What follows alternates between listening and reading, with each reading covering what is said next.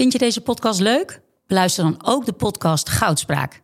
Ik ben Minke Boy. Als voormalig tophockeyster weet ik hoe Olympisch goud voelt. In de openhartige podcast Goudspraak praat ik met sporticonen die straks in Parijs voor het hoogste podium gaan. Over de weg naar goud. Beluister nu de podcast Goudspraak. Dit programma wordt mede mogelijk gemaakt door Toto. Lijkt altijd liever op de leider dan op het, uh, het leidend voorwerp. Dus dat is, uh, verklaart ook mijn fascinatie voor het uh, Derde Rijk. Dat And there used to be a ballpark where the field was warm and green. Een opgewonden stemming, nu al, voordat de podcast van Hartgras nummer 152 is begonnen.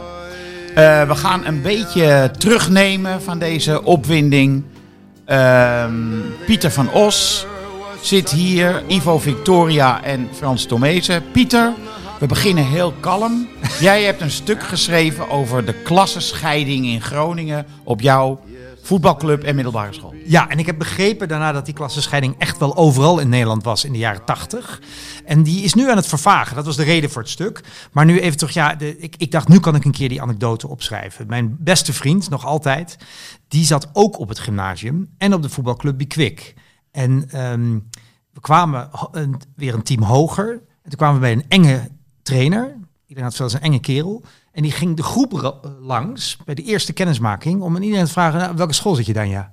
En uh, nou, er waren veel jongens op de lagere tuinbouwschool. Er waren een paar jongens op de LTS. En op een gegeven moment kwam er iemand die zei, ik zit op de, ik ben er nu de naam vergeten, maar de zo en zo MAVO. Uh, Evert Harmens MAVO volgens mij. Predinius? Nee, nee, dat komt nog. Oh, dat, ja, dat, dat, is het gymnasium van Groningen, het Predinius. En die jongen die vertelde dat hij op MAVO zat. En die trainer die keek bedenkelijk en zei, ja, van mij hoeft het niet zo. Ja, kijk, als jij naar zo'n moeilijke school wil, jouw probleem.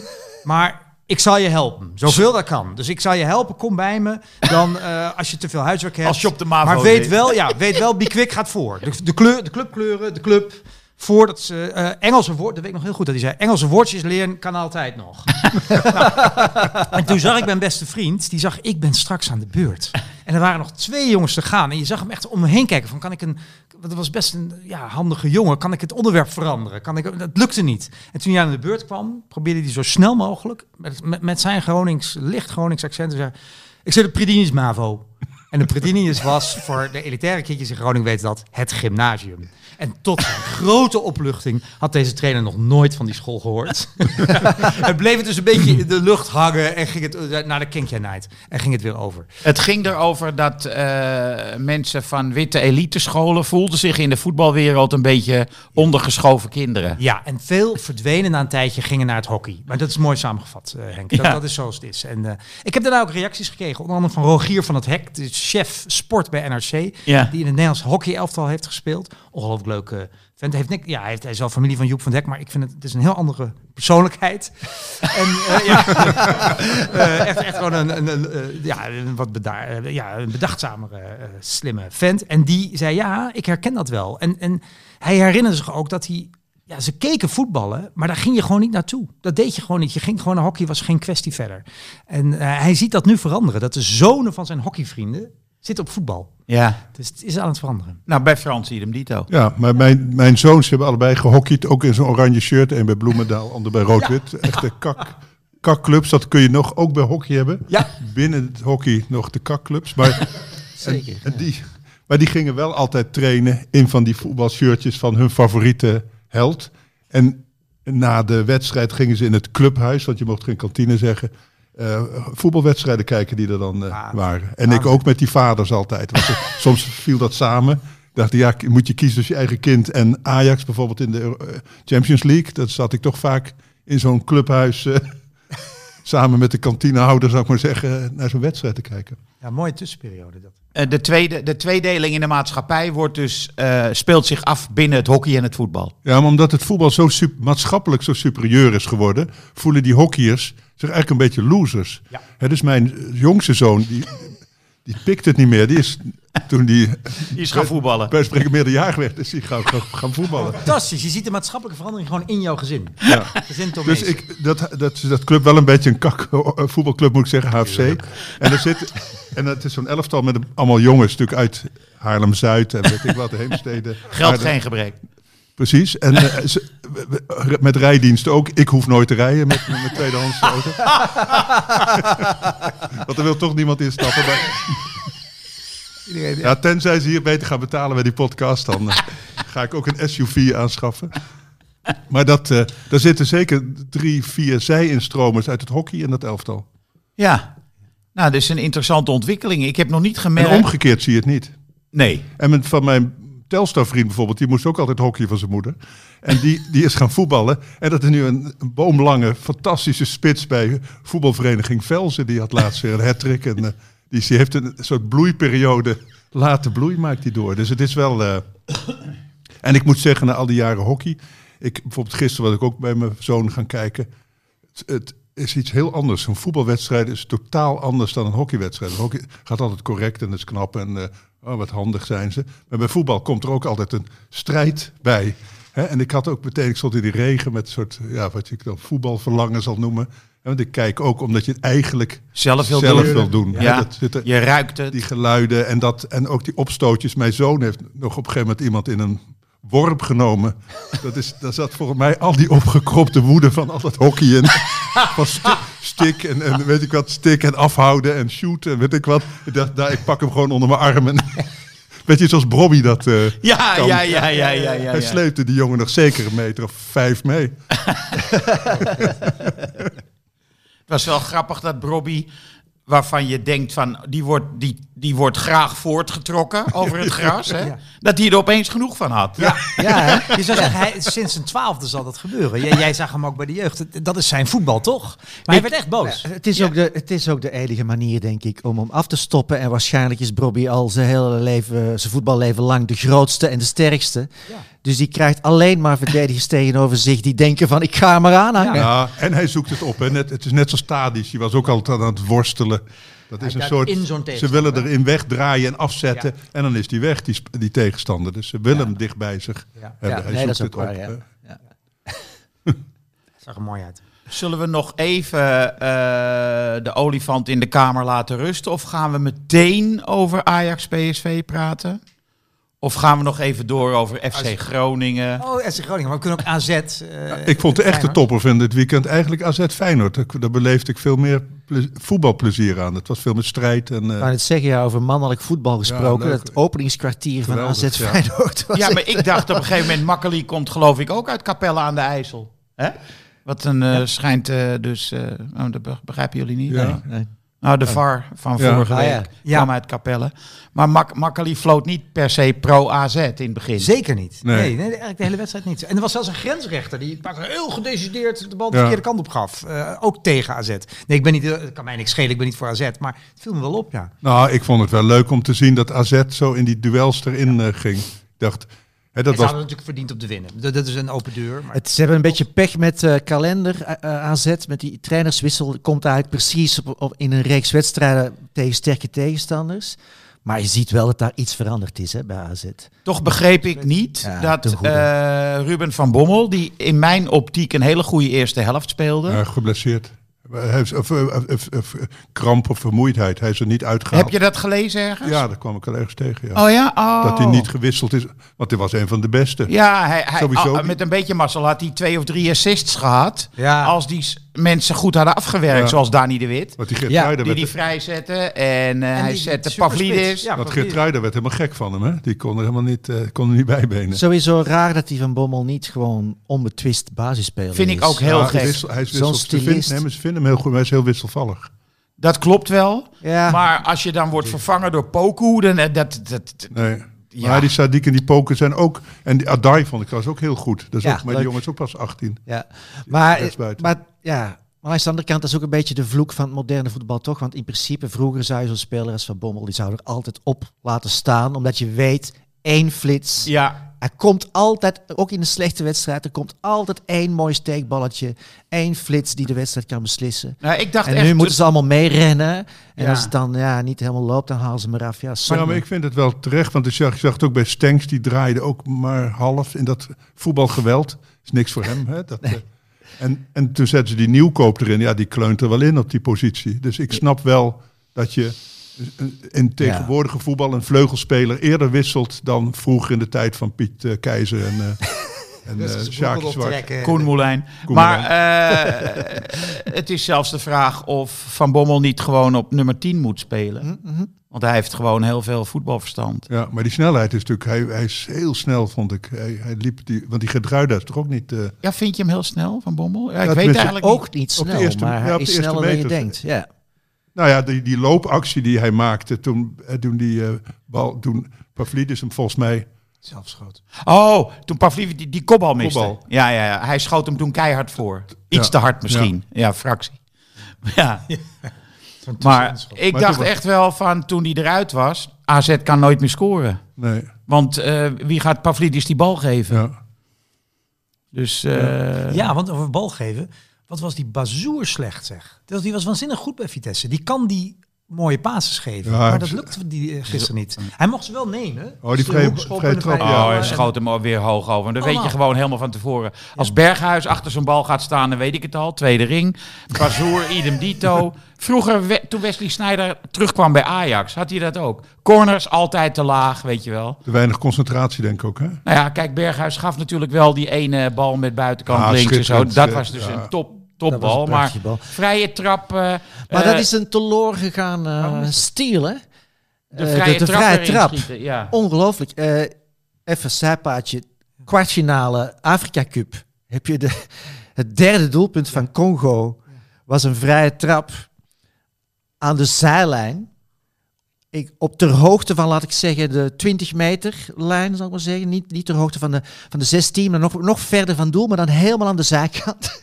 Hij trapte hem in de korte hoek, in de winkelhaak. In één keer. Maar ook met zo'n trap. Dat, ik weet niet hoe ze dat doen. Met zijn wreefachtig eh, binnenkant. Dat hij dat die zo gaat hij, gaat hij een beetje zwabberen. En dan ja. valt hij. Ja. Hè? Ja. En dat zie je zo weinig nog. Eh, specialisten. Die een vrije trap, eh, randje 16. Koeman. Maar ik Eh, weet niet, ja, dat type of, eh, weet je wel, maar als je die docu... boogballetjes. Antwerp scoorde tegen Club Brugge in de laatste minuut gisteren eh, de winning goal met een vrije trap. Ja, je ziet het weinig in Nederland, bedoel je, toch? Je ziet het heel, nou, overal. Ja, je hebt natuurlijk de, de Ronaldo die het in de voorbije ja, maar je tien jaar allemaal spelers die dat 700 oefenen. keer geprobeerd heeft. Maar Het geeft met, want in die documentaire van Beckham zie je hoe, hoe, hoe Ja. lang Beckham erop getraind heeft om zo'n bal goed te Ja, nemen. van kind af aan. Ja, Ja. met zijn vader. ja. en vroeger had je toch nog wel eens En dat nu de- nemen ze die moeite niet meer. Nu Nee, gaan ze liever is eh, in, een, in, Gamen. een- in de auto van de sponsor een rondje rijden met een Maar heeft het er dan mee te maken dat, dat, dat men de kans op succes kleiner acht of zo? Want vroeger dacht je, vrije traprand 16, oei oei, oei, Gevaarlijk. gevaarlijk. Ja. Nu denk ik van, nou ja, Maar ze moeten het in hun eigen tijd doen, begrijp ik altijd. Na de training gaan ze dan nog afwerken op doel of weet ik wat. Ik weet van, van Hanegem, die ging altijd met eh, Ernst Happel dat doen. En, en was Ernst Happel nog niet tevreden. En die zette dan van die hè, eh, cola flesjes, had je toen nog, van die cola flesjes op, eh, op Ja. de lat. En, nou ja, en hij schoot ze er 1, 2, 3 af. En, en nou, jij zei dit tegen de kromme dan. En die... ja, die zat wel even achter zijn hoofd te krabben. En die schoot er dan eentje af. En die had zijn levenslang respect voor Happel. En die bleef heel lang oefenen. Omdat hij dacht, ik wil er ook drie eh, ja. van de lat afschieten. Nog even dit zijpad, eh, zijpad verder bewandelend, eh, Ivo. Eh, Congo zit in de halve finale. ja. Maar nu ga je me vragen tegen wie, weet ik Ja, even niet ja, uit mijn hoofd. Nigeria? Ivoorkust. Ivoorkust. Voorkust, dat was fascinerend. Ik weet niet of jullie dat gezien hebben. Laatste Dat minuut? Ja, ja, ja, laatste minuut. En dat hij... En de laatste minuut van de verlenging. Ja, en even, eh, Oh ja. eer wie eer toe komt, Danielle wees erop in, in een tweet, Danielle Clivon hier vaak aanwezig, dat eh, die jongen, die wil zijn shirt dus uittrekken, hè, die Diakite. Diakate, ja. En dan komt er een andere kerel op me af en die weet, dan krijgt hij rood, want hij had al geel gekregen. En dan kan hij de volgende wedstrijd mee. Dus die probeert dat shirt aan te houden. Op. Nee, doe dat shirt. En het lukt hem ook niet helemaal dat shirt. Hij ergens gaat niet verder. Eigenlijk lukt het natuurlijk toch. Maar, eh, en krijgt hij rood. Ja, Maar, eh, en is geschorst. En is geschorst. Ongehoorde sukkel. Ja, maar je denkt, wat, wat is dat verlangen? Ik heb er een tijdje over nagedacht. Wat is het verlangen? Wat is het Want verlang- Die jongens willen dus allemaal een shirt uitdoen als ze een doelpunt scoren. Als een mooi doelpunt scoren of een belangrijk doelpunt. Dus eigenlijk willen ze dus naakt voetballen. Dat mag niet. Maar als je dan dus zoiets goeds gedaan hebt, dan kan je het je veroorloven kennelijk om te doen wat je wil. Naakt voetballen. Nou, nee, het, het heeft toch meer te maken met eh, een soort van oerdrift die dan eh, naar boven komt bij de gemiddelde Om voetballer. je blote lijf de te laten torso, de spieren, Ja. de, ta- tatoeages. Het is toch... eh, Ja, ze ja, ook- ja, dat- ik heb het is zelf als spits nooit gedaan, zal ik maar zeggen. Dus, en daar is ook een reden voor. Ik weet hier vier mannen zitten die nooit verlangen hebben gehad. nooit mijn shirt uitgetrokken. Nee. zien. Sterker Het nog, is verlangen om je torso ik, ik huiverde voor het moment dat het moest gebeuren in de kleedkamer. Dus ja, ja, ik denk dat Het het, is raar, het is toch, je houdt er eens een keer op Maar Ivoorkust willen is natuurlijk fascinerend, want ze lagen er eigenlijk uit in de eerste ronde. Ja, Eh, de, eh. Mali was ook de echt beste beter. derde zogenaamd. ja, Ja, via echt een geitenpaadje. En, en nu zitten ze in de halve finale. en En wie het weet was heel sneu wel, voor eh, Mali. Die waren echt beter. En die hadden daarvoor juist hele goede wedstrijden gespeeld. Dus het was... eh, maar goed, leuk voor Ivoorkust, want dat is thuisland. dus dat is lachen. Zeker, superleuk. Maar jij bent bezig aan een boek over Congo. Ja, dat klopt. En eh, dus ik ben ook Een fan, roman. eh, jij hebt daar onderzoek gedaan. Ik heb onderzoek gedaan in Congo. Eh, ik was in Bukavu. Trouwens, leuke anekdote over. Ik wou eigenlijk naar een voetbalwedstrijd gaan in Bukavu, maar er speelden geen wedstrijden, want de kalender is vrij onvoorspelbaar in Congo. En, ehm, maar ik hoorde dus wel dat een van de populairste teams van Bukavu eh, heet, want er zijn drie profclubs geloof ik in Bukavu. Een van die drie heeft heel lang eh, FC Ajax geheten. Oh, ja. En zij speelden ook eh, in het witte met eh, de rode, Rode band. band, ja. Eh, en zijn op een gegeven moment, eh, waarschijnlijk bij gebrek aan succes, van naam veranderd. Hoe kunnen wij dat niet weten? Er is Ja. dus een club FC in Afrika Ajax. die gewoon FC Ajax heet. Maar nu heet ze anders. Nu heet ze Dawa, geloof ik. eh. Ja, maar er is, in, in, eh, er is in Amsterdam Ja, was er ook mijn altijd een club die Arsenal Ja, heette. daar speelde Ja. mijn zoon Ja. gisteren tegen. Ja, is maar die spelen in Willem II shirts. Dus ja, je kan er geen pijl op Ja, die trekken. zitten bij die Zuid daar. eh, ja, nee, Arsenal. Ja. Maar ehm, is dat, heeft dat met je eh, familie te maken, die roman waar je mee bezig bent? Eh, ja, dus mijn, eh, mijn grootouders eh, die zijn in 1930 eh, naar Congo getrokken als eh prille twintigers. eh. mijn grootvader was eh, begonnen als eh, koloniaal agent tweede klas. Ergens in het noordoosten in het regenwoud van Ituri. En, eh, maar uiteindelijk kwamen zij, eh, maakte hij carrière en kwamen zij in Bukavu in het zuidoosten terecht. Wat toen een, eh, ja, een provinciestad was eigenlijk, 25.000 inwoners in die tijd. Nu wonen daar een miljoen mensen aan de, aan de Rwandese grens. En, Congo eh, is immens, hè? en Congo is een waanzinnig groot land. Het is eigenlijk tien landen in, in één land. Ja. Eh, dus eh Bukavu miljoen eh, inwoners. is iets totaal anders dan Kinshasa. En, eh, eh, Heel veel bomen ook, denk ik wel. Bomen? heel veel bomen Dus in Congo, ja. ja. De bewoonde gedeelte is best wel klein, denk ik.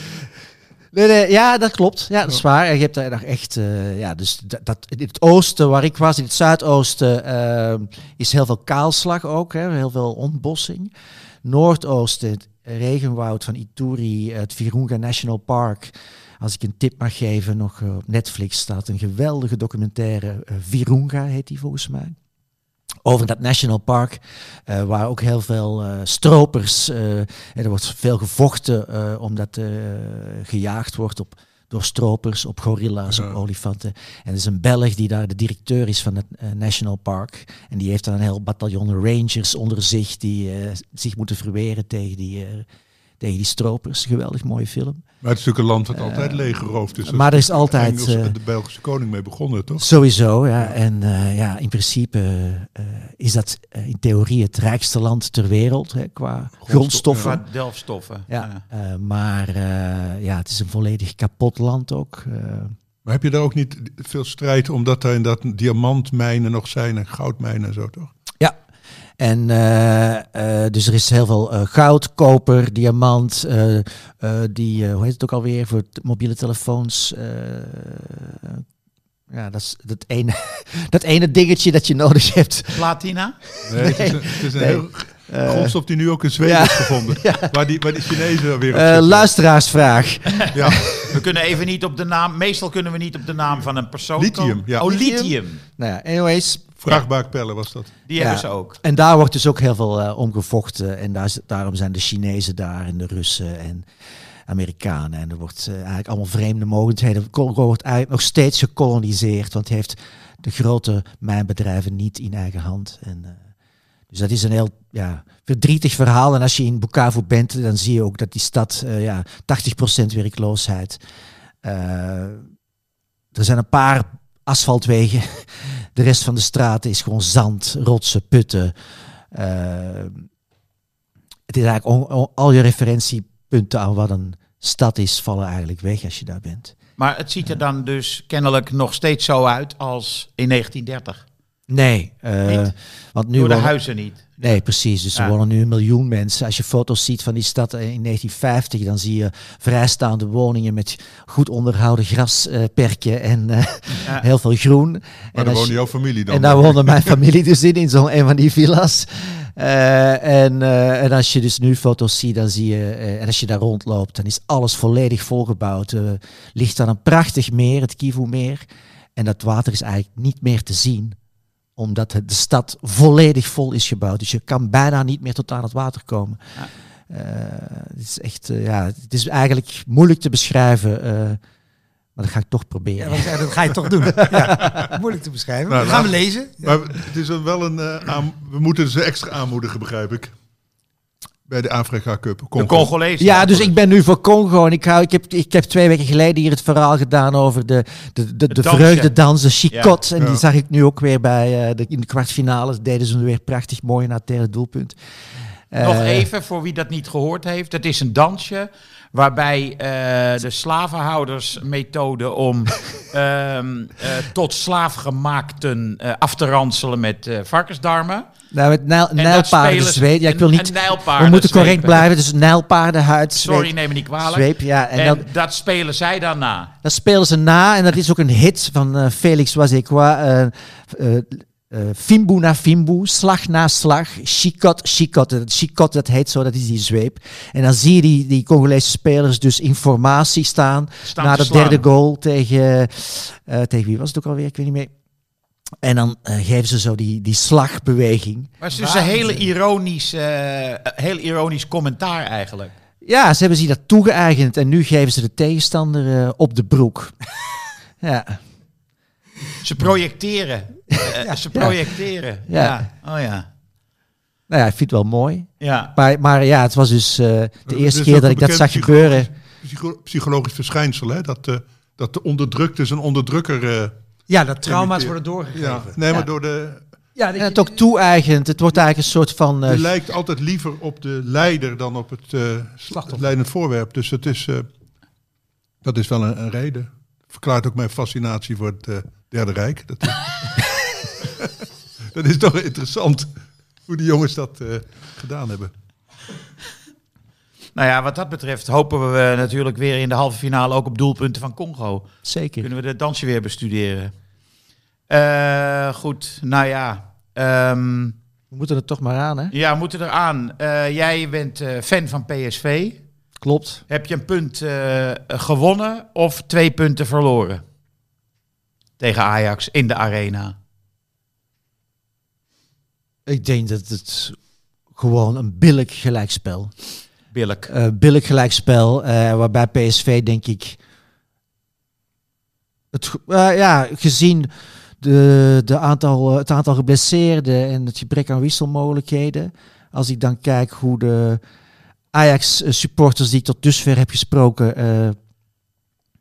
ja, heel positief waren eigenlijk over het spel van Ajax, dan denk ik dat dat ook een compliment is voor PSV. Want eh, wij stonden daar eh, alle, alles behalve in onze sterkste opstelling. Dus eh, ja, als, als dan de tegenstander blij is eh, met de prestatie, dan, eh, dan is dat goed voor PSV, toch? De Ja, taal van de fan. Ja, ja, ja, ja toch? goed. Ja, vind ik wel. Ja, Eh, en vanaf volgende week is Veerman terug en, eh, en Tilman. En, eh, en ik denk dat we dan weer terug kunnen naar, eh, naar een ander PSV. Over Almere City heen walsen.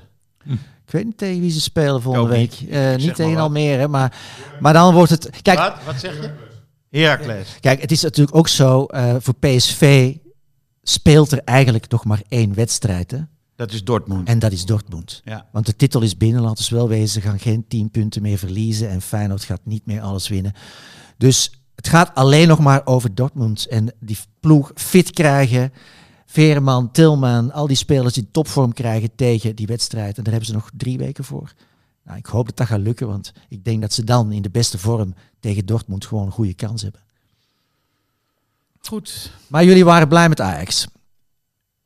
Ik, eh, nou, ik vond eh, Ajax best goed spelen. Ik bedoel, voor het eerst zag je dat zogenaamde terugplooien.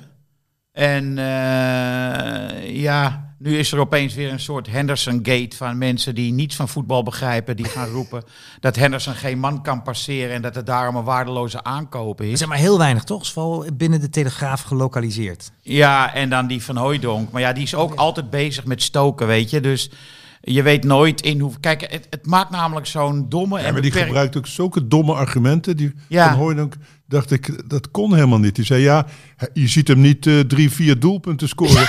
ja, Ja. dat zie ik inderdaad Ramai ook niet doen, weet je wel. Nee. Met waar Nee. slaat het op dat elke speler... eh, Ja, maar het is zo'n kinderlijke opvatting van voetballen. Zo van iedereen moet Ronaldinho zijn. En, eh, maar dat is niet zo. Er is namelijk maar één Ronaldinho. Ja. En als je kijkt naar... eh, kijk, en hij zegt dan, ja... hij passeert geen man, hij geeft geen beslissende paas, hij, maar hij scoort niet. Dus is hij kut. Maar ja, dat is een hele rare kleutermanier van naar voetballen kijken. Ja. Kijk eens naar eh Jorginho van Arsenal, bijvoorbeeld, gisteren. Die zie je niet. Maar die is echt heel belangrijk. En bijvoorbeeld, voordat wij Declan Rice ooit op het netvlies kregen, had hij waarschijnlijk al 40 interlands gespeeld, weet Ja. je wel. Dus er zijn nou eenmaal spelers die zie je niet. Maar het is ook toch... Ver... We hebben toch nooit gezegd over Jordan Henderson Nee, in de voorbije ooit. tien jaar Nee, dat hij moet doelpunten scoren. nee. En, we Dus- wilden- dus- en dan we- komt zo nou van- ja, Ajax wilde natuurlijk van die vreselijke Tahirovic af. En dan moest er wel een goede voetballer Ja, komen. maar Dat hij deed, het ook, hij deed het ook prima, eh, Henderson. En inderdaad, organisatorisch eh, stond het bij Ajax. Ja. Maar ik erger mij dan aan, aan, aan dat, inderdaad, dat niveau. Ik studeer voetbal, ik kan het eigenlijk mentaal niet meer aan om daar naar te kijken. Nu was er weer Afalai, koning der open deuren, die dan gaat zeggen dat Ramaljo niet goed genoeg is. Dude, we zitten al drie jaar naar Ramaljo te kijken. Wat voor inzicht is dit? Nee, natuurlijk is dat niet goed genoeg. De, de werkelijke vraag is eigenlijk, hoe komt het dat PSV dit jaar zo vaak de nul houdt met Ramaljo Ja. in het team? Verklaar Ja. mij dat eens. Dat is een inzicht. Ja. Is het niveau van die analisten daar. Het is, eh, Ja, nou nog even afgezien van hun verbale onvermogen. Dat is het- vind ik dan weer altijd weer heel irritant. Ze kunnen gewoon geen zin Nederlands achter elkaar uitspreken. maar eh, inderdaad dit. Maar ook eh, van Henderson verwachten dat hij eh, daar de nieuwe Pirlo is, weet je wel. Ja. Rot op. ja. Dat, is- dat is o- overigens ook het moderne voetbal helemaal niet meer. maar eh, dit gezegd zijnde, de perceptie wordt natuurlijk eh, gevoed door de realiteit. Ik bedoel, je bent nu positief over Henderson en, en dat het organisatorisch stond. bij Ajax. Nou, af en toe dan zag je inderdaad, eh, wanneer PSV in balbezit was, twee, twee rood-witte lijnen. Heel kort op elkaar voor de 16. Ik zal niet zeggen dat het de bus parkeren was, maar het leek er af en toe wel heel hard op. Dat, daar zouden jullie natuurlijk een jaar geleden, eh, zouden jullie hier pischagereinig hebben gezeten over deze Nee, ja, spelwijze. natuurlijk. Maar Ja. eerst moet dit weer in orde komen. Ja. Nee, maar dat werd, eh, volgens mij heb je, Henk, dat al meteen gelijk. gezegd. Met zulke snelle aanvallers moet je juist terug... Ze hadden het hele seizoen moeten spelen. Nou ja, jullie spelen de counter en Brobby, weg, ja. ja, Brobby is natuurlijk de spits om zo te spelen. Ja. Maar zelfs Taylor, die, eh, hè, die, die, die kan dan niet scoren op de een of andere manier. Ja. Maar die liep wel goed.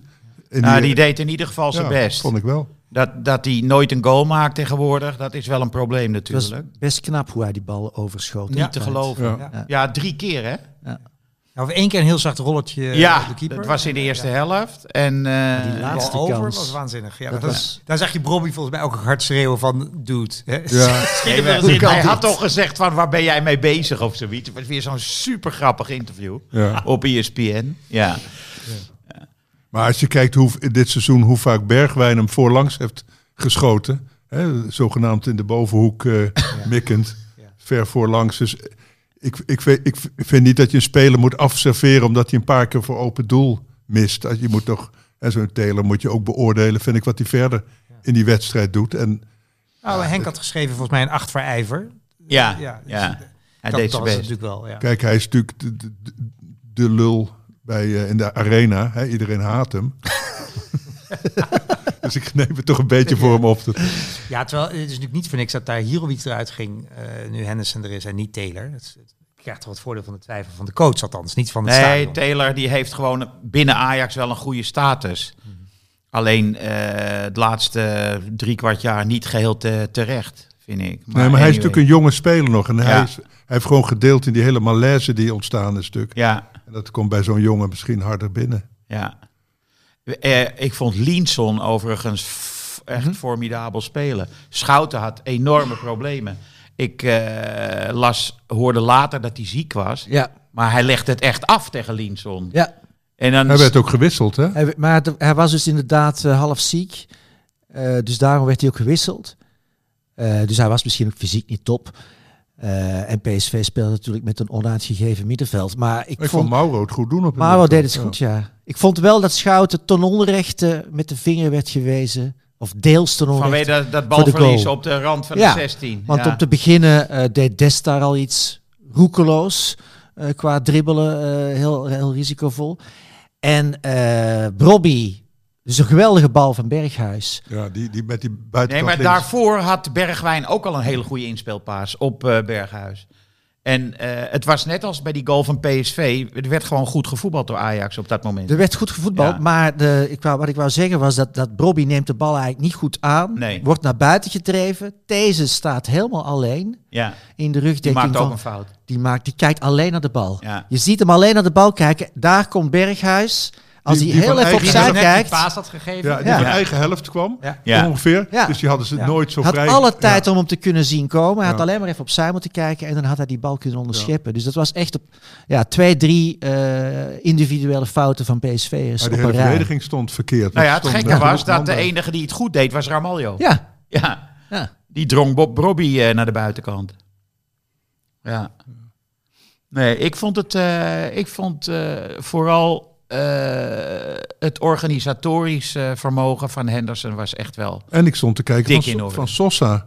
Want die, Oh, die, die Bakayoko, inval. Dat was de grootste verrassing van de hele Ja, wedstrijd. die, die heeft niks meer laten zien, die Bakayoko. Ik zag die wissel komen. Ik denk van, nou, dat wordt genieten. Bingo. Ja. Ja. bingo. Niks. Hij kwam er niet langs. Nee. Meteen al drie acties. Ja, maar ook heel van die ja. hele simpele dingen. Been uitsteken, bal wegtikken, weet je wel.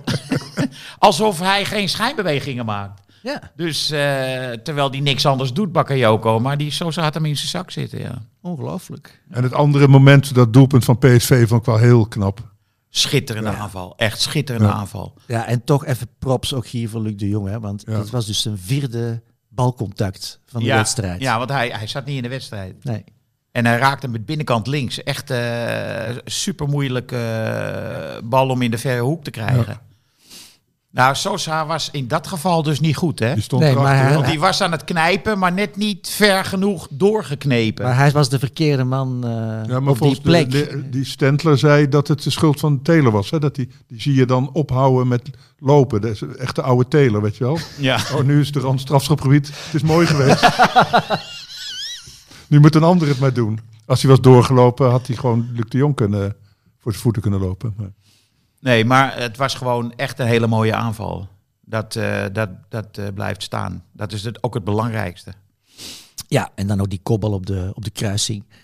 Zo dat kan die gozer koppen, hè? Ja, dat is ook een cliché.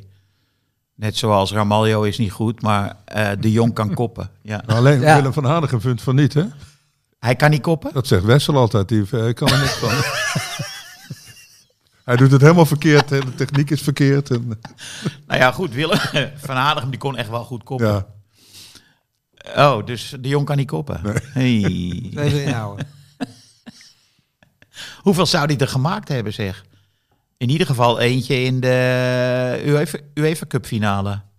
Luc de Jong, Ja, die erin ging. zeker. Ja.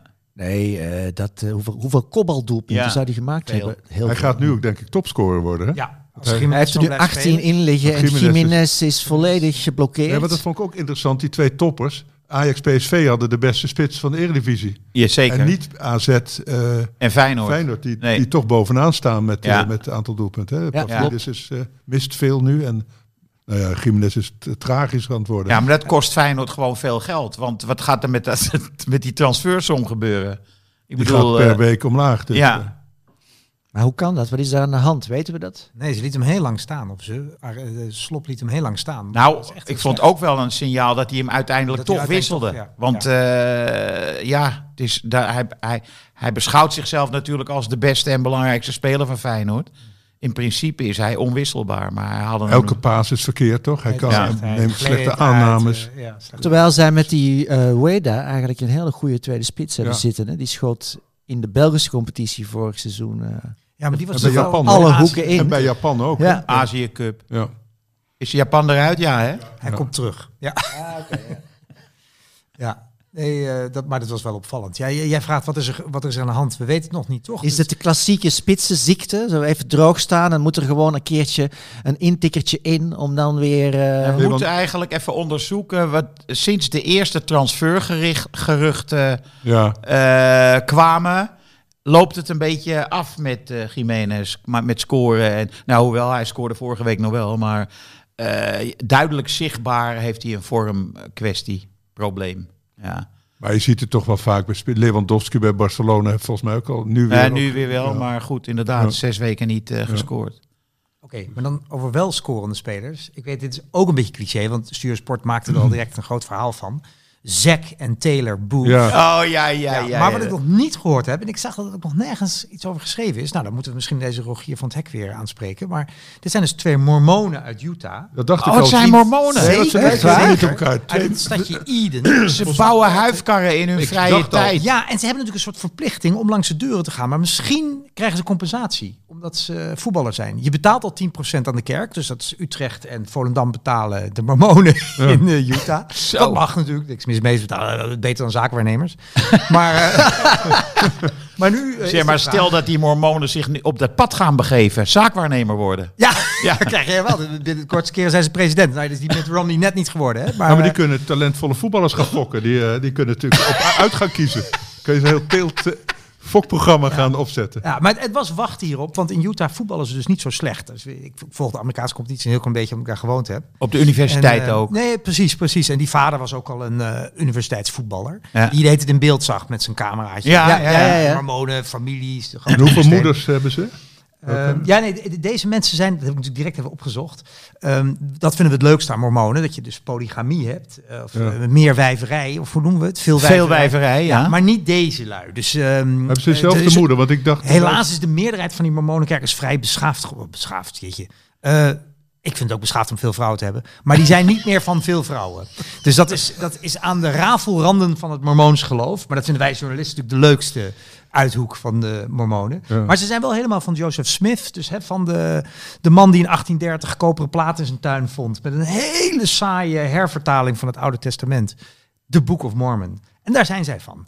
Dus eh, ja, daar wil ik nog wel wat meer over lezen. En hoe dat meespeelt in hun eh En ze bouwen huizen, eh, van die houten huizen, die verkopen ze op de woningmarkt in Amerika, toch? Ja, dat weten jullie waarschijnlijk Is meer dat van. zo? Dus ik hou even mijn mond. Nou, ik, ik had een schoonzus, die is overleden, maar die had een winkel. En die verkochten ook van die mormonenhuisjes. Tuinhuisjes, gewone huisjes. En ze noteren alle stambomen op aarde. Ja. Dus Oh. ik, ik heb een Canadese familie, die hebben ook via Utah de stamboom van mijn moeders kant helemaal eh, eh, achterhaald. Want En? dat doen... Nou ja, die, wij kenden hem ook wel een beetje, maar dat was wel bizar dat die gewoon ook in eh, ergens daar in Salt Lake City eh, ter inzage ligt. Maar, maar dat is voor de jongste dag, dat ze wel de administratie op orde hebben. Als, er- oh ja. als, het, eh, Als de aarde vergaat. ja, een aarde vergaat, het Koninkrijk Gods eh, Komt. eh, komt, dan, dan moeten we wel weten wie wel en wie niet enzovoort. Ja, ze hebben Oh. een enorme fetish met genealogie. Dus, Ja. hè, dus wie waar vandaan komt. Ze zijn wat verder in Noord-Amerika. In Noord-Amerika vind je echt alles via de mormonen. Dus als Ja. jij en ik, stel dat wij Euskanazi voorgangers ergens uit Polen hebben, daar zijn ze minder goed in. Eh, maar ze zijn dus waanzinnig goed in het westelijk halfrond. Zeg maar. Dus Ja. eh, het is- Ja. En eh, jij, je hebt er een voor. boek liggen. Ja, ik, ik kon het niet laten. Ik vond het zo grappig, die eh, jongens Boef. Dus ik wilde nog even lezen over de Mormonen. Maar ik moet toegeven dat ik daar niet heel veel meer... Nu, het is een geweldig hoofdstuk van Peter Vermaas in God We Trust. Die heeft over geloof in Amerika geschreven. Maar ehm, eh, het is niet zo dat ik jullie nu nog allerlei leuke sappige details over voetbal en Joseph Smith kan vertellen. Het voetbal kwam niet voor. Nee, nee, ja, jammer, jammer, jammer. Ja, ze voetballen dus Mormonen. Nou, ja, En, en behoorlijk goed. Ja. En zeker die Taylor, Die, wat een zeker mooie die Taylor doelpunten dit waren zo, dat, die kon er wat van, ja. Ja, dat is een leuke voetballer. Ja. Ja. En het verhaal was natuurlijk goed. Zack scoort een goal. Oudere broer reageert met een hat-trick. Hè, Dat is eh, wat er gebeurde. Ze, Utrecht ze werden samen geïnterviewd. Ik zag echt niet echt. Misschien is dat ook typisch Mormoons, maar broederliefde sprak daar niet per se uit. Ja, maar ik dacht ook verschillende moeders, maar dat was natuurlijk een voordeel, blijkt dat nu. Maar Maar met hoeveel kinderen zijn ze thuis, Ja, weten we dat? moeten we- nee, ik, ik verwacht nu op het grote stuk over de familie Boef. Toch? Ja. Eh, Want als je, als je in zo'n mormonenfamilie met twaalf kinderen bent, dan kan het natuurlijk zijn dat je eentje niet zo goed kent. Dat Ja, je gewoon zeker. minder, minder nauw contact hebt. Ja. nee, want ze beweerden wel dat ze elkaar veel zagen. En toch gingen ze uit ja, eten vanavond. ja, de ene moest dan In een betalen. vijfsterren restaurant gingen ze eten. In een vijfsterren restaurant. Oh ja. En de eentje moest dan betalen. Je had gelijk, de broederliefde was wat eh, Ja. zwak ontwikkeld. Ja. Maar het is ook wel weer... Kijk, als stel dat ze er heel klef hadden gestaan, dan hadden we het misschien nog erger gevonden. Zo, dit- Dat zou van kunnen. Die Amerikanen die dan hier Altijd wat te. Maar je zou wel een Ja. mooie mormoonse competitie kunnen maken met allemaal familie-elftallen. Zo. Dat is Ja. echt een goed commercieel idee. Ja. Ja, maar er zit ook altijd iets tragisch in, toch? Bijvoorbeeld die zusjes Williams. Er waren er dus zes of zo, of vier in ieder geval. En dan zijn er dus twee heel goed. Je wil altijd zo graag weten over die andere twee. En hier ook Wat zijn dat dan- ook Mormonen? Nee, het zijn geen mormonen, Oh. sorry. Maar het, het fenomeen van een fanatieke vader die je eindeloos laat sporten. En dan Ja. komt er één of twee komen naar voren. Agassi had bijvoorbeeld een broertje die bijna proftennisser is geworden. Een oudere broer. Ja, daar wil je eigenlijk meer over weten Ja, dan die Agassi zelf. Oh, ik kan me een oude Hartgras herinneren. Giphart een mooi verhaal had over de broer van Marco van Basten. Ja. Ah, ja, ja, ik vind ja. dat nu al tragisch. De broer Ja. van Marco van Basten. Dat is een, een heel zwaar lot. Zeker als hij van voetbal houdt. Ja. Ja, de broer van Marco van Basten. Nou ja, dus de broers van eh Zack en Taylor Booth. Daar willen we ook over lezen. Ja. En je hebt de broer van Cruijff, Henny, die natuurlijk eens altijd een slaatje uitgeslagen heeft. Hè? Precies, ja. Dat was echt, voor Cruijff was dat zielig. Beetje als de anti-Kruif, toch? Je kon bij een journalist langsgaan als je quotes tegen Johan Cruijff wilde krijgen. Toch, die, eh, zijn broer die was erg met hem gebrouilleerd. Die zat dan in Ja, de... maar dat was later er pas, Oh, hè? dus pas toen ik, er, bij- toen ik kwam Pas kijken. toen jij erbij kwam. Ja. Hij is de schoonvader van, eh, van Gullit hè, geweest, die Estelle. Nee, en hij had dus een sportzaak eh, in de Jordaan. Relandsgracht. Heel ja, ja. Elandsgracht, Smit precies. Cruijff. Ja, en als je dan, ja, ik hoorde altijd van andere journalisten, nou, als je ook nog eh, voor het weerwoord, eh, hè, als je te veel kruifadoratie in je stuk hebt, ga naar zijn broer, die vertelt wat voor een klootzak het is. Maar goed, dat is dus later pas. Ja. Ja, misschien eh, een keer een themanummer voor Hartgras. eh. Volgens mij... Ja, familie, oh ja, familie van eh, ja, voetballers. ja, Ja, ja, ja, ja, ja, ja. Bij Antwerpen had je in de jaren tachtig Frank Mariman. Dat was een elegante libero. En zijn broer was Ludo Mariman. En dat was de zanger van de Kids. Dat is een punkband die eh, wereldwijd heeft getoerd. Oh ja? Met een waanzinnige hit, There Will Be No Next Time. Dan moet je maar eens opzoeken op, op eh, Spotify. Eh, en die hebben, ja, volgens mij speelt Ludo Mariman, want ik heb hem gekend een tijdje toen ik zelf in bandje speelde. Volgens mij speelt hij nog altijd, moet nog een stukje in de 60 zijn. De Kids. Wat speelde jij in die band? Ik was eh, zanger, ja, zanger, gitarist. Je hoefde niks eh, te... Oh, gitarist ook? Ja. Oh ja. Lekker een beetje schreeuwen zo. Dat, dat schreeuwen Nee, nee, ik zat niet in de punk scene. Dat was meer eh eh, poppy. Hm. Ja, Poppy. poppy, poppy. ja. Ja, Antwerp, Antwerp zwijnde weer lekker gisteren, zag ik nog even. Zo, ja, Tegen Club- 0-1 achter tegen Club Brugge. Dat is toch wel de aardsvijand naast eh, Beerschot. Ehm, maar in de laatste minuut 2-1. Ja. Twee zelfs. Oké. Ja. Ja. Niet één, één, maar twee. Ja, Antwerpen is de sterspeler kwijt. Hè. Arthur Vermeeren is eh, voor 27 miljoen naar Atletico Madrid. Is hij al weg? Ja, Ja. ja. en eh, heeft zijn debuut gemaakt ook eh, deze week. Hij heeft één helft eh, mogen spelen. Dat viel, viel 27 niet miljoen. mee. Ja, Jongens, 19 jaar. Ja. Zoiets. ja. Potverdrie. Maar hij heeft wel al debuut in het Eng- Belgisch elftal gemaakt, hè? Ja. Ja. Maar goed, als invaller, ja. Eh, maar ja, ja dat- goed, eh, Arthur Vermeer is waarschijnlijk eh, het grootste talent eh, dat rondloopt. eh Belgisch talent dat rondloopt op de velden. Dus dat, ja, wij in Antwerpen vonden we het eigenlijk aan de lage kant, 27 miljoen. Nou, ik vind het genoeg. Wat voor soort voetballer is het? Is een, een tien, hè? Nou, nee, ja, eerder ergens iets, een mengeling tussen een 6 en een 10, zal ik maar zeggen. Het is het type eh, dat, het, dat, dat eigenlijk, je ziet hem zelden tackelen, want hij heeft het al gezien nog voor die moet tackelen, zal ik maar zeggen.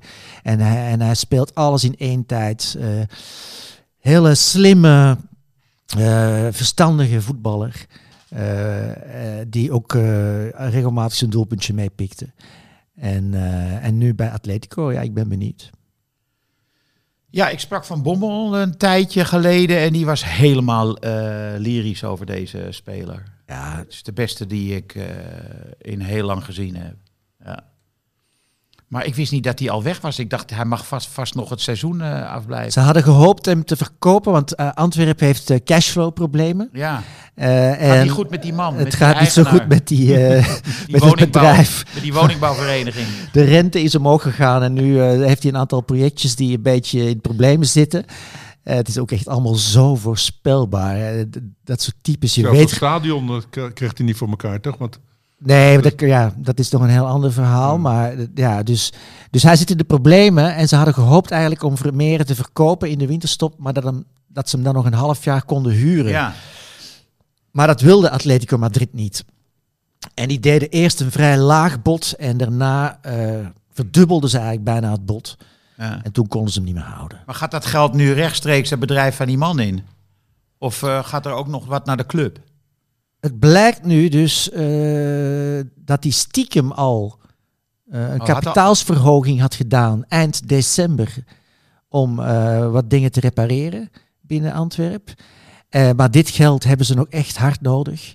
Eh, samen met de 12 miljoen eh, waarvoor we Ajax nog steeds eh, hartelijk bedanken voor, Avila. eh, voor Avila. Kunnen we gratis terugkrijgen volgens mij. Eh, moet dat dan de put dempen voorlopig. Oké. Eh, maar eh, ja, het ziet, er, het ziet er niet zo goed uit voor Antwerpen. Eh, over Antwerp gesproken, dan eh, valt de naam Overmars natuurlijk al vrij snel. Plotseling bleek dat hij twee keer was benaderd door eh, Ajax. Door, door Danny Blind. Door Danny Blind en door nog iemand. Ja. Ook gewoon twee weken nadat het gebeurd was, Vier, geloof ik. Ja, kort, maar vier weken was het gewoon. Oh. Heel snel. Nou ja, heel Ja. snel. En iemand die eh, suggereerde dat eh, de NOS dit eh, nu snel naar buiten bracht om de aandacht af te leiden van 83% van eh, de mensen die daar werken, voelden zich niet zo, niet zo veilig op de vloer. Maar goed, ehm, Frans, wat vind jij van de beweging van, bij Ajax om hem eventueel terug te willen halen? Volstrekt eh, belachelijk. Het is, het is natuurlijk het is nostalgie naar natuurlijk een gouden periode. En dan, hè, dat, dan, vandaar dat natuurlijk nu Van Praag er ook weer zit en Van Gaal. Het is natuurlijk een soort sentimenteel gedrag is dat. Je denkt, eh, als we hem terughalen, komt alles weer terug. Hè? Van Praag die inmiddels overigens wel heeft gezegd, terwijl hij daar zit, komt Overmars niet terug. Nee, netjes mee. Maar de- de- het gaat toch niet om, als je een bedrijf leidt, dat je denkt, ach, dat moet wel kunnen. Hè? En, de- en de manier waarop Overmars erop gereageerd heeft, geeft natuurlijk totaal niet aan dat hij inziet dat Hè, dat is dat... interessant. Ja, dus in dat interview, hè, Ik kan me nog met zijn vrouw op de bank in? Epe. Is- ja, we hebben ook onze eigen Matthijs, die ook op een merkwaardige manier zich eh, los probeert te worstelen uit allerlei beschuldigingen. Maar dat, het is kennelijk voor sommige mensen onmogelijk om te zeggen, ja, het is gewoon heel gênant wat ik heb gedaan. En ik weet niet wat het was, maar ik zal het nooit meer doen.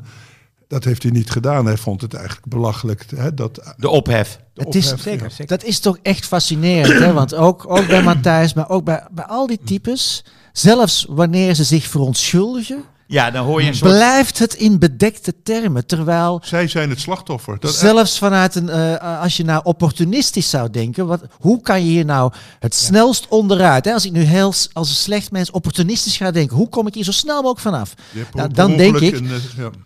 eh, dat Je je dus juist. je telefoon bij je tijdens het plassen.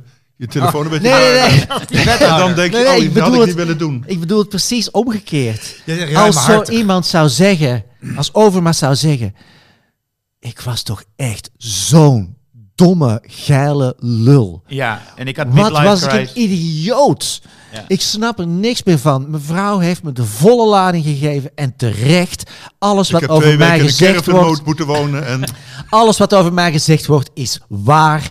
En het is toch wel echt een schande. Ik schaam me kapot. dan zouden wij allemaal zeggen, ja, dat is waar jongen, het is goed. Ja. Binnen een half jaar mag je terugkomen. Ja. Maar nee hoor, ze blijven allemaal bedekken en schipperen, want ze zijn bang om... Terwijl het nee, makkelijkste is gewoon om, om ik- ik- alles toe te geven. Ik geloof dat ik het uit mijn hoofd weet. Over Marseilla, hoewel het eh, we- eh, we- wederzijds was, eh, maak ik toch mijn excuses. Ja. Ik betreur de ophef. Ja, zoiets. Ja, Ik be- ik- Als ik mensen heb gekwetst, dan spijt mij dat. Nee, Ja. dude, dat is niet wat, wat jou moet spijten. Dat, ja, die he- dat blijft maar terugkomen. Dat is zo'n raar mechanisme. Ja. Maar het is bij Ajax speelt dan ook mee die hele harde kern, vindt het natuurlijk flauwekul. Hè? Dus, dus er zit ook natuurlijk een enorme druk op die Ja, club. dat is zo. En, en ja. dat zie je ook steeds meer, dat die clubs niet bestand zijn tegen die supporters. En ik begrijp ook wel waarom, ze worden natuurlijk bedreigd. Maar dat, dat is... Nee, maar ik begrijp die supporters dan ook ergens nog wel, want ik zit in een gezin met alleen vrouwen. Nu wordt het riskant, maar eh, een vrouw en twee dochters. En toen ik voor het eerst hoorde over Overmars, was gewoon in de ochtendkrant, dus echt heel ver terug. Ik zag natuurlijk direct, oké, dit is einde, dit is... eh, en ik dacht natuurlijk ook aan die geweldige periode. En ik weet dat ik murmelde iets als, sinds wanneer werken er eigenlijk vrouwen bij Ajax? en, en toen was het even stil. En toen zei een van de dames uit mijn gezin, heel zachtjes, die kant zou ik niet opgaan. En dat heb ik ook begrepen. Maar nee, nee, oké, dat moet je niet doen. Nee, nee, nee, nee. En ik ben het helemaal eens met wat Ivo zegt. Ik bedoel, hè, het, is, het is ook gewoon ook het opportunistische overweging. Oliedom om maar de hele tijd zo blijven schipperen. Maar Ehm, is, ja. de, is de les dan toch niet... Eh, Dat is ook een andere les die eigenlijk maar niet geleerd wordt door voetbalclubs. Dat je zo afhankelijk kan zijn van één persoon. Ja, die geen aantekeningen maakt. ja. Ja, nou Die ja. alles in zijn hoofd opslaat. En die, eh, als hij naar deals terug wil kijken, in zijn appverkeer zit te kijken. ja. Ja, dat is natuurlijk... Hoe, hoe kan je dus Dit zo, is zo amateuristisch. dat je dat niet op orde hebt qua structuur? Zet het even in je, in je laptop. Hij, hij was dus wel goed in die deals. Dat, dat erkennen we natuurlijk Hè, allemaal. en, maar hij, en zaakwaarnemers die ik daarover heb gesproken, die zeiden altijd... hij weet precies wat hij gezegd heeft, wat hij mij anderhalf jaar geleden beloofd heeft. En hij komt er altijd op terug. Ja. Dus in dat opzicht, het is natuurlijk een handelaar. Ja. Handelaar puur zang. Hij, hij zit niet voor niks in al die oude spulletjes. Tweedehands auto's en zo. die- Ja, tweedehands auto's, ja, maar ja. ook dat niet eens alleen. Maar van die reclameborden die wij Ja, allemaal niet in onze kamer willen hebben, die spaart hij dan. En lekker afdingen natuurlijk. Ja. Hè? Ja, ja. Asbakken met eh Cinzano erop en zo. Weet je wel. Dat soort dingen koopt Ja, hij ook. ja. En dat vindt hij dan, eh, dat, dat, daar leeft hij eh, bij van. Natuurtalent. Dus. Ja, dat, het is een handelaar.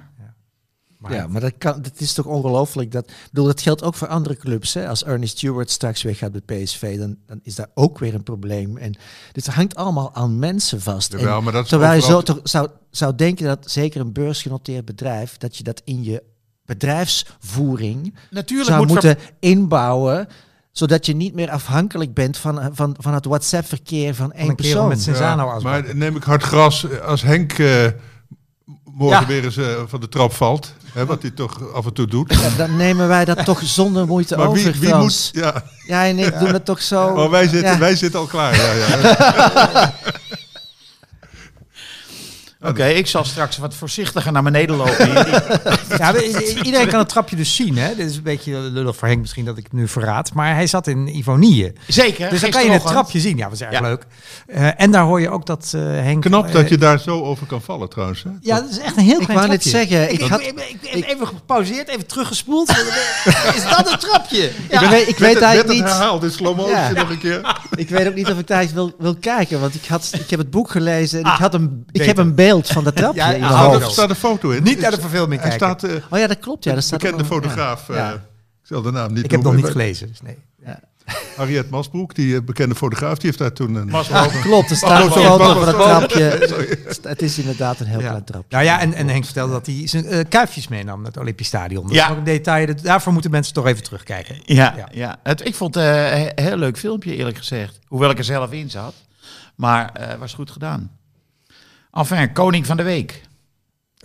Oh, ja, dat moet ook nog. Liesen, eh, ja, ik durf het niet uit te spreken, want ik spreek het verkeerd uit. Liesen, zeg je? Linson. Linson gewoon. Maar, je, misschien- spreekt, je schrijft het behoorlijk ingewikkeld. Ja, Ja, met ja. een H ervoor. Hè? Ja. HL. Jij stemt voor Linson? Nou, ja, nee, ik hoop dat jullie nog met een originelere komen. Kijk, die Taylors, dat zijn er twee. Of die, die Boofs, die Taylor en Zack. Dus dat doen we maar niet, hè? Oh ja, de Taylors, ja, dat, op zich is Nee, dat wel een leuke keuze natuurlijk. Taylor Eh, Booth zouden we dan doen, want die heeft de Ja, drie. die heeft Ja, drie- die heeft er moet je drie Taylor- gemaakt. Nee. eh, uit naam van God. Nou, dat vind ik toch wel mooi. Ja. Latter-day Saints. Goed, hij is op tafel geworpen. Wat zeg jij? Ik, toen ik hier binnenkwam, dacht ik inderdaad aan die Taylor Booth. Omdat ik die doelpunt ook zo mooi vond. Ja, De- de drie hele Nou, die hakbal, dat was echt eh, klassiek. Ja, Ja, misschien toch wel een unieke prestatie. Drie, ja. drie doelpunten. Eh, bij een niet geweldig lopend eh, team. Ik had ook nog in mijn hoofd Klop. Omdat hij Ah, dat ja. zo eh, chic heeft gedaan, dat eh, afscheid aangekondigd. En omdat Ja. eh, zeg maar het elftal eh, antwoordde afgelopen woensdag met een verschrikkelijke slachting van Chelsea. Maar, Maar ja, tegen goed, Arsenal hebben ze weer... eh, Gisteren. Maar, was hij chic na dat verlies tegen Arsenal gisteren? Want dan mag hij hem winnen. Ik heb het niet eh, gezien wat hij gezegd heeft. Ik heb wel de wedstrijd gezien. Ja. En eh, het was precies als in die FA Cup wedstrijd was het geloof ik. eh, drie, vier weken geleden toen Arsenal ook beter was. En toen stal eh, Liverpool de overwinning. En nu gebeurde dat niet. Nu maakte Van Dijk zo'n fout. Oh, oh. Maar was dat een fout? Bedoel je het doelpunt van Martinelli? Nou, de Nederlandse commentator vond dat het de fout van de keeper was. Ja, ik Nou vond ja. het eigenlijk ook wel dat de keeper daar niet... eh, Zat Van Dijk ook niet aan de keeper per ongeluk? Ik had het idee Dat de hem- keeper hem wilde wegtrappen en dat Van Dijk eigenlijk in de weg liep. Ja, Maar dat kon Van Dijk niet... Ja, hij, hij- een soort Noppert eh, geval met die centrale verdediger was het. Maar er was iemand die zei dat hij had hem gewoon eerder moeten wegkoppen. Ja, hij liet hem stuiten. ja, dat is waar. Dat is een fout. Ja, wat er daarna gebeurde was misschien een beetje de schuld van de keeper. Maar ja, ja het was allemaal niet gelukkig. Maar goed, ik had dus klop in mijn hoofd. Maar ik kan heel goed leven met eh, Taylor Booth hoor. Taylor Booth. Het Ik geloof ik dat de volgende keer veel meer van hem af weet. En, en zijn Ja, familie. Nou, hij zou best wel één lang is die, tegen dat in de hij. Eredivisie, vind ik een heel Nou, ik, volgens hè? mij hebben we hem vorig jaar ook Ja, koning van de week gemaakt. Want Vorig jaar was hij ook al een keer in, in een wedstrijd heel goed. Heel goed, ja. Ik vind het een heel leuke een- voetballer. hij sleurt, hij loopt, hij werkt keihard. Heeft een geweldige voorzet trouwens. Heeft een geweldige traptechniek. Ja. Leuke voetballer. Dus over, Koning van de week. Taylor Booth, oké. over 2,5 jaar bij het WK, dan is hij de, de man van Amerika. Hij zit al in het Amerikaanse elftal, toch? Oh ja? Ja, niet die jongste, niet die Zack, maar... Ja, kijk, als je Maar dan- goed, dan hebben ze Tilman, dan hebben ze Dest, dan hebben ze. Dest. Ja. Zo, zijn wel een paar goede goed- spelers. Nou, het, was, het was sowieso al een goed elftal op het vorige WK. Ja. Een beetje te naïef, maar eh, ja, die komen eraan. Wedstrijd van de week is Feyenoord-Sparta. Oh ja. Sparta, ja, dat die niet wonnen was wel heel ongelukkig. Die speelde tegen PEC. Ja, maar En die als- keeperman van PEC, Ja, ja, die was echt goed. Ja, ja die was heel goed. Van ja, als- Schendelen. Als, heet Groningen supporter heb Schendelaar of van Schendelen. zonder hekel Schendelaar, aan PEC Zwolle. Eh, dus Heb je daarom- een hekel aan PEC Zwolle? Ja, als FC Groningen fan is PEC Zwolle altijd. Dat die nu in de Eredivisie spelen en wij in de keukenkampioen is natuurlijk echt verschrikkelijk. valt niet goed. Nee, dat valt niet goed. Maar, niet hoge noorden. dus ik was heel erg voor Sparta. En dan dacht je wel, jeetje, waarom gaat hij er niet in? Maar ja, de keeper was een deel van het antwoord. Ja, dat hij er niet in ging. Ja, die was goed. Nou ja, Feyenoord-Sparta. Ja, Feyenoord zal, is in de Kuip. Hè. De- Dan heb je de, der- de twaalfde man het publiek, de dertiende man de scheids. Doet ook De VAR. wel eens 14e mee. man. Ja, maar De Sparta is VAR uit, gewoon VAR uit Capelle aan de IJssel. Drie seconden dus, hè, dat VAR-moment tegen PSV. Ja, ongelooflijk. Die penalty op lang. Drie seconden heeft de VAR nodig gehad. Alsof, Om je, alsof ze het niet wilden zien. Dat ken je wel. Dat je denkt, ja, nee, nee, dit, dit is gewoon geen panel. Oh, nee, daar gaan we niet naar kijken. Het Hier beginnen we ja, niet het aan. verdringingsmoment, Ja. het, het verdringingsmechanisme begint al voor de overtreding. Ja. Ja. Is niks aan de hand. Is niks aan de hand. Onbegrijpelijk was dat. Ja. Ook wel weer leuk dat dat gebeurt. Dat je dus ondanks een VAR en alles... Daardoor dat blijft toch voetbal- mensenwerk Ja, blijft. en dat we Ja. allemaal boos waren. Want ik voel ook... Ik was een beetje aan het indutten. En opeens totale adrenaline. Want er is zoveel onrechtvaardigheid. Hoe kan dit nou? Ja, dus het was leuk. Nou, Feyenoord-Sparta zal ik het maar zeggen. Ja. Droge 3-0. 3-0. Oké, ik zeg 2-0. Jiménez eh, eh, gaat Ja, weer gaat scoren. los, ja. Ja, hij Ja. maakt, maakt... Ik zeg 1-0 Sparta. Een 0-1 dus. Echt waar? Ja, die zijn getergd. Die hebben, eh, hoeveel wedstrijden hebben die verloren nu achter elkaar? En het is best wel goed. terwijl ze niet of zo slecht niet, spelen. Of niet gewonnen, ja. Een stuk of vijf, weet ik. Ja. Ze spelen niet slecht, maar ze hebben wel moeite om te winnen. Ik vond Seruki slecht. Of, eh, Nee, in het begin. be- Beledig ik jou, want jij bent altijd zo'n fan van hem. Maar Ja, maar ik vond hem ook heel, heel matig beginnen. Maar gaandeweg eh, de wedstrijd kwam hij er beter in, dacht ik. Ja. Maar het kan ook zijn dat die Wiever is natuurlijk zo dominant daar. Het lijkt me ook lastig om daarnaast nog eh, aan de bal te komen. Of, Nou, eh, als een nummer zes. ja. Ja. Dus, wat Wie- zeg je? Ja, ik, ja, Feyenoord blijft gewoon natuurlijk goed voetballen. Alleen die aanval is zo. de- Jiménez scoort niet meer. En, de- en, en die, ja, die Peshao, dat is leuk eh, om te zien, maar er komt nooit een kans uit. De verder. Van Feyenoord. Ja. Ja, dus, dus ze hebben geen eh, ja, stootkracht, zou ik maar zeggen. Het- dus de, dus de, ja, de 1-0 voor Feyenoord. En, en weten we iets over de voorspellingen van vorige week? Hoe het daarmee gegaan is? Nee. Dat is jammer, we, we, gaan het nee, zelden wij, na. wij, hè? wij, wij, eh, We doen een uit, voorspelling. uit veiligheid evalueren we de voorspellingen Oh, dat nooit. Is, eh, dat is beleid. Eén keer hoorde ik jou roepen dat je hem goed had. Ja. Is één keer. En, en Hoeveel uitzendingen kan hebben we? het- 152 Terwijl bijvoorbeeld- uitzendingen. Bijvoorbeeld Suze, die komt heel graag terug op eh, voorspellingen die Ja. ze doet. Ja. Die doet het wel, ja. Maar die heeft ze meestal ook goed. Ja, maar Suus heeft er echt verstand van. Dus Ja. dat scheelt ook. Dat is niet eerlijk wat je zegt. Oh, die Bijlo. Oh, wat was dat een verschrikkelijk moment. Dat die, eh, die blessure opliep. Ik vond het echt heel verschrikkelijk. Heel verdrietig. Ja. En, en er gebeurt ook niks, hè? Het was gewoon domme Nee, uittrap. niks. of- Het- Maar Ja, ze, gebeurde niks. ze weten nu niet of het zijn kuit is of ze Achillespees, zeiden mensen ook. Maar, Ja, het Nou, is het is jammer. ook Het is wel natuurlijk de meest getalenteerde keeper van die eh ja, en Maar daar zei Suze ook iets van vorige week of twee Nee, weken dat was, eh, eh, hoe heet ze, Danielle. Ah ja, ja, ja van dat- Danielle zei... dat- er is iets dat- met hem. Ja, dat kleeft aan hem, die, die blessuregevoeligheid. Ja. Ja. Nou, het is wel... eh, Maar je moet wel heel erg geloven in de, in de eenheid van lichaam en geest om hem te verwijten, zeg maar. Niet dat ze dat deed hoor, maar ik Nee. bedoel, om te denken dat, dat, het door, dat het door die blessures komt en de ellende die hij daarvan heeft meegemaakt, dat hij daarom weer een blessure krijgt. Nee, hij heeft gewoon zo'n lichaam kennelijk. Waar Nou ja, nou ja, het bijzondere bij hem is natuurlijk dat er geen lijn in te ontdekken valt. Want het is eh, dan is pols knie- geweest, ja, schouder, knie. Dus het is altijd iets anders. Dus Wonderlijk. over eh, ja, de eenheid van lichaam en geest gesproken. Het zou, misschien is het inderdaad toch een, eh, ook een, een spanningskwestie. Hè? Dat zou kunnen. Nou, Ik wil kan. niet te Zo- spiritueel worden. Maar als je, als je niet lekker in je hoofd...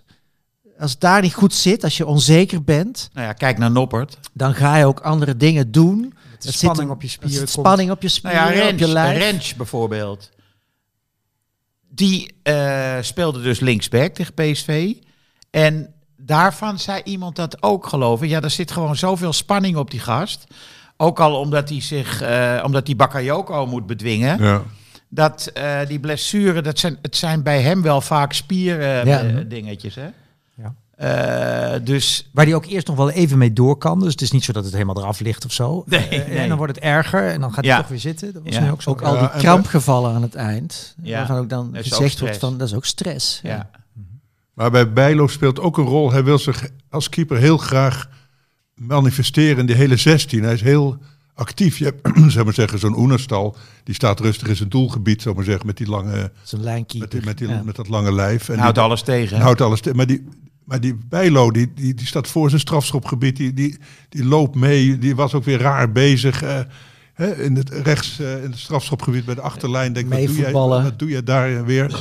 Maar hij wil heel graag meedoen. Dus dan, misschien heeft hij iets onbesuis. Dat, hij, dat, hij, hè, dat werd in het begin van zijn carrière wel gezegd. Hij komt te roekeloos in. Hè. Hij duikt erin, hij go- gooit zich ervoor. En die roekeloosheid die leidt natuurlijk ook tot ble- blessures. Zeker bij een keeper. Ik, Ja, maar hier gebo- gebeurde dus niks. Nee.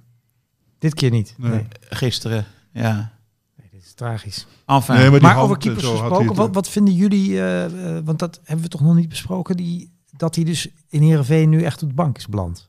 Noppert. Ja, is wel goed voor hem, denk ik. Even Maar tot eventjes. rust. Even tot rust komen. Maar eh, ik, misschien hoor, waren er nog gedachten ik hoorde wel iemand zeggen, als de reservekeeper het heel goed doet, dan kan het wel eens lang duren. Ja, toen zei iemand anders weer, ja, hij heeft het geluk dat die Mickey van der Hart niet zo goed is. Ah. Dat is die reservekeeper. Maar goed, we zullen het zien. Maar je denkt gewoon even tot rust komen, er is te veel gedoe. Ja, Ja, en dan kan hij op een gegeven moment weer ja. eh, hernieuwd erin. Het blijft fascinerend, toch? Want hij was wel echt goed. Hij stond niet voor niks op het WK op de goal, toch? Hij was dat seizoen toen was hij echt heel goed. Louis vond hem goed. Ja. Ja, hij was ook echt goed toen. En dat hij was meteen zeggen. ook heel populair bij de selectie. Wat ik ook bijzonder vond voor zo'n eh ja, provinciaal. Iemand die helemaal niet past bij die, bij die ge- gelikte jongens. glittermiljonairs. Ja.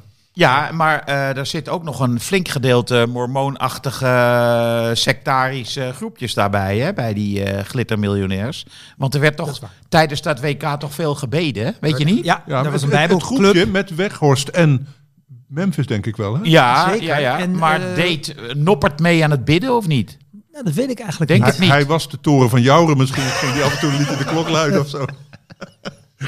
Ging de kerkklok luiden en dan gingen ze weer bidden. Onze van PSV komende Italiaanse verdediger, wat eigenlijk nu even niet zijn naam komt, die is de roerganger van de groep. Boscagli. Nee, ehm, nou ja, sorry. Eh, de, de speler uit het Nederlands elftal die dit groepje leidt. Dus die gaat ook vaak voor. Virgil. Ehm, Gakpo, ja. Gakpo. Broeder, Gakpo, ja. Gakpo, ja, ja, ja, die is heel gelovig. ja, Ja, die speelt nu in Engeland. En die jongen die eh, Italië speelt. Ah, Dumfries. Dank je. Ja, Dumfries ja, is ja, wel ja, ja. belangrijk. Ja, dat zijn inderdaad allemaal heel gelovige jongens. Ja, klopt. En Memphis, die, is, die is, is meer naast God belangrijk, denk ik. Hè? Dat die God en Memphis het Nee, ik denk dat Memphis zichzelf als de verlosser ziet. Ja. Ja. Nog even één dingetje. Eh Erik Cantona komt dus naar Nederland. Hij gaat optreden in de Meervaart en in de Oude Luxor. 3 april, eh 2 of 3 april in de Oude Luxor, moet je even opzoeken. En 26 april in de Meervaart.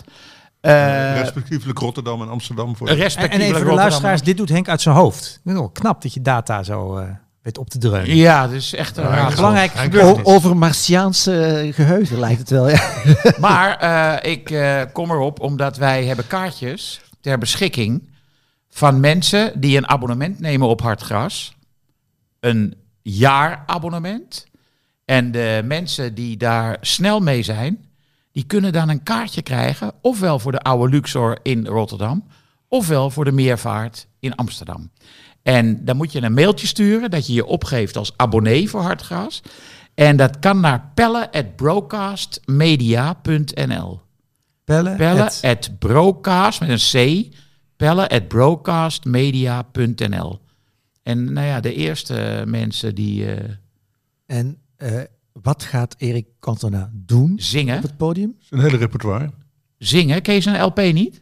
Nee? Echt niet? Heb je dat gemist? Eh, Totaal? Het is echt zo'n Franse kreuner, is het. het is een, ja, Is eh, het eh, er, eh, zeg maar... de voetbal Jacques Brel of meer Leonard Cohen. Gainsbourg? ja, Denk, denk aan Leonard Cohen, denk Ja. aan Gensboer. Ja. En eh, zo'n plaat heeft hij gemaakt. Een goede plaat hoor. En we hebben een verslag gehad in de podcast dat er toch ook wel heel veel voetbalfans zitten. Toch die dan Ja, gewoon gaan roepen Engeland. Cantona. Ja, in Engeland, in Londen, daar zaten ze. Ja, ja, ja. ja, ja. Maar eh, nee, het, het, Oké. het wordt echt wel redelijk eh, sensationeel. Ja, dus als je, pech voor de mensen die al een abonnement hebben. Maar goed, die moeten gewoon een kaartje kopen. Ja, die moet een kaartje kopen. Maar die kunnen misschien handtekeningen aan de Cantona vragen. Ja, of Eh, een neefje ik weet niet. Ik, ik weet niet of Cantona een handtekening uitdeler is. Lijkt me niet, eerlijk gezegd. Alleen op billen misschien. zijn jouw woorden. Oh, sorry. Armen dan, oren, eh, voorhoofden. Dit was het voor deze week. Eh, tot volgende week. Yes, there used to be a ballpark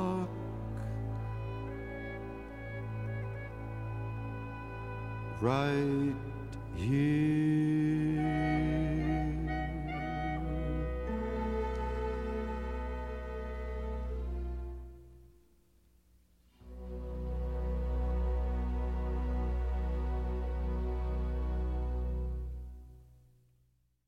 Dit programma werd mede mogelijk gemaakt door Toto.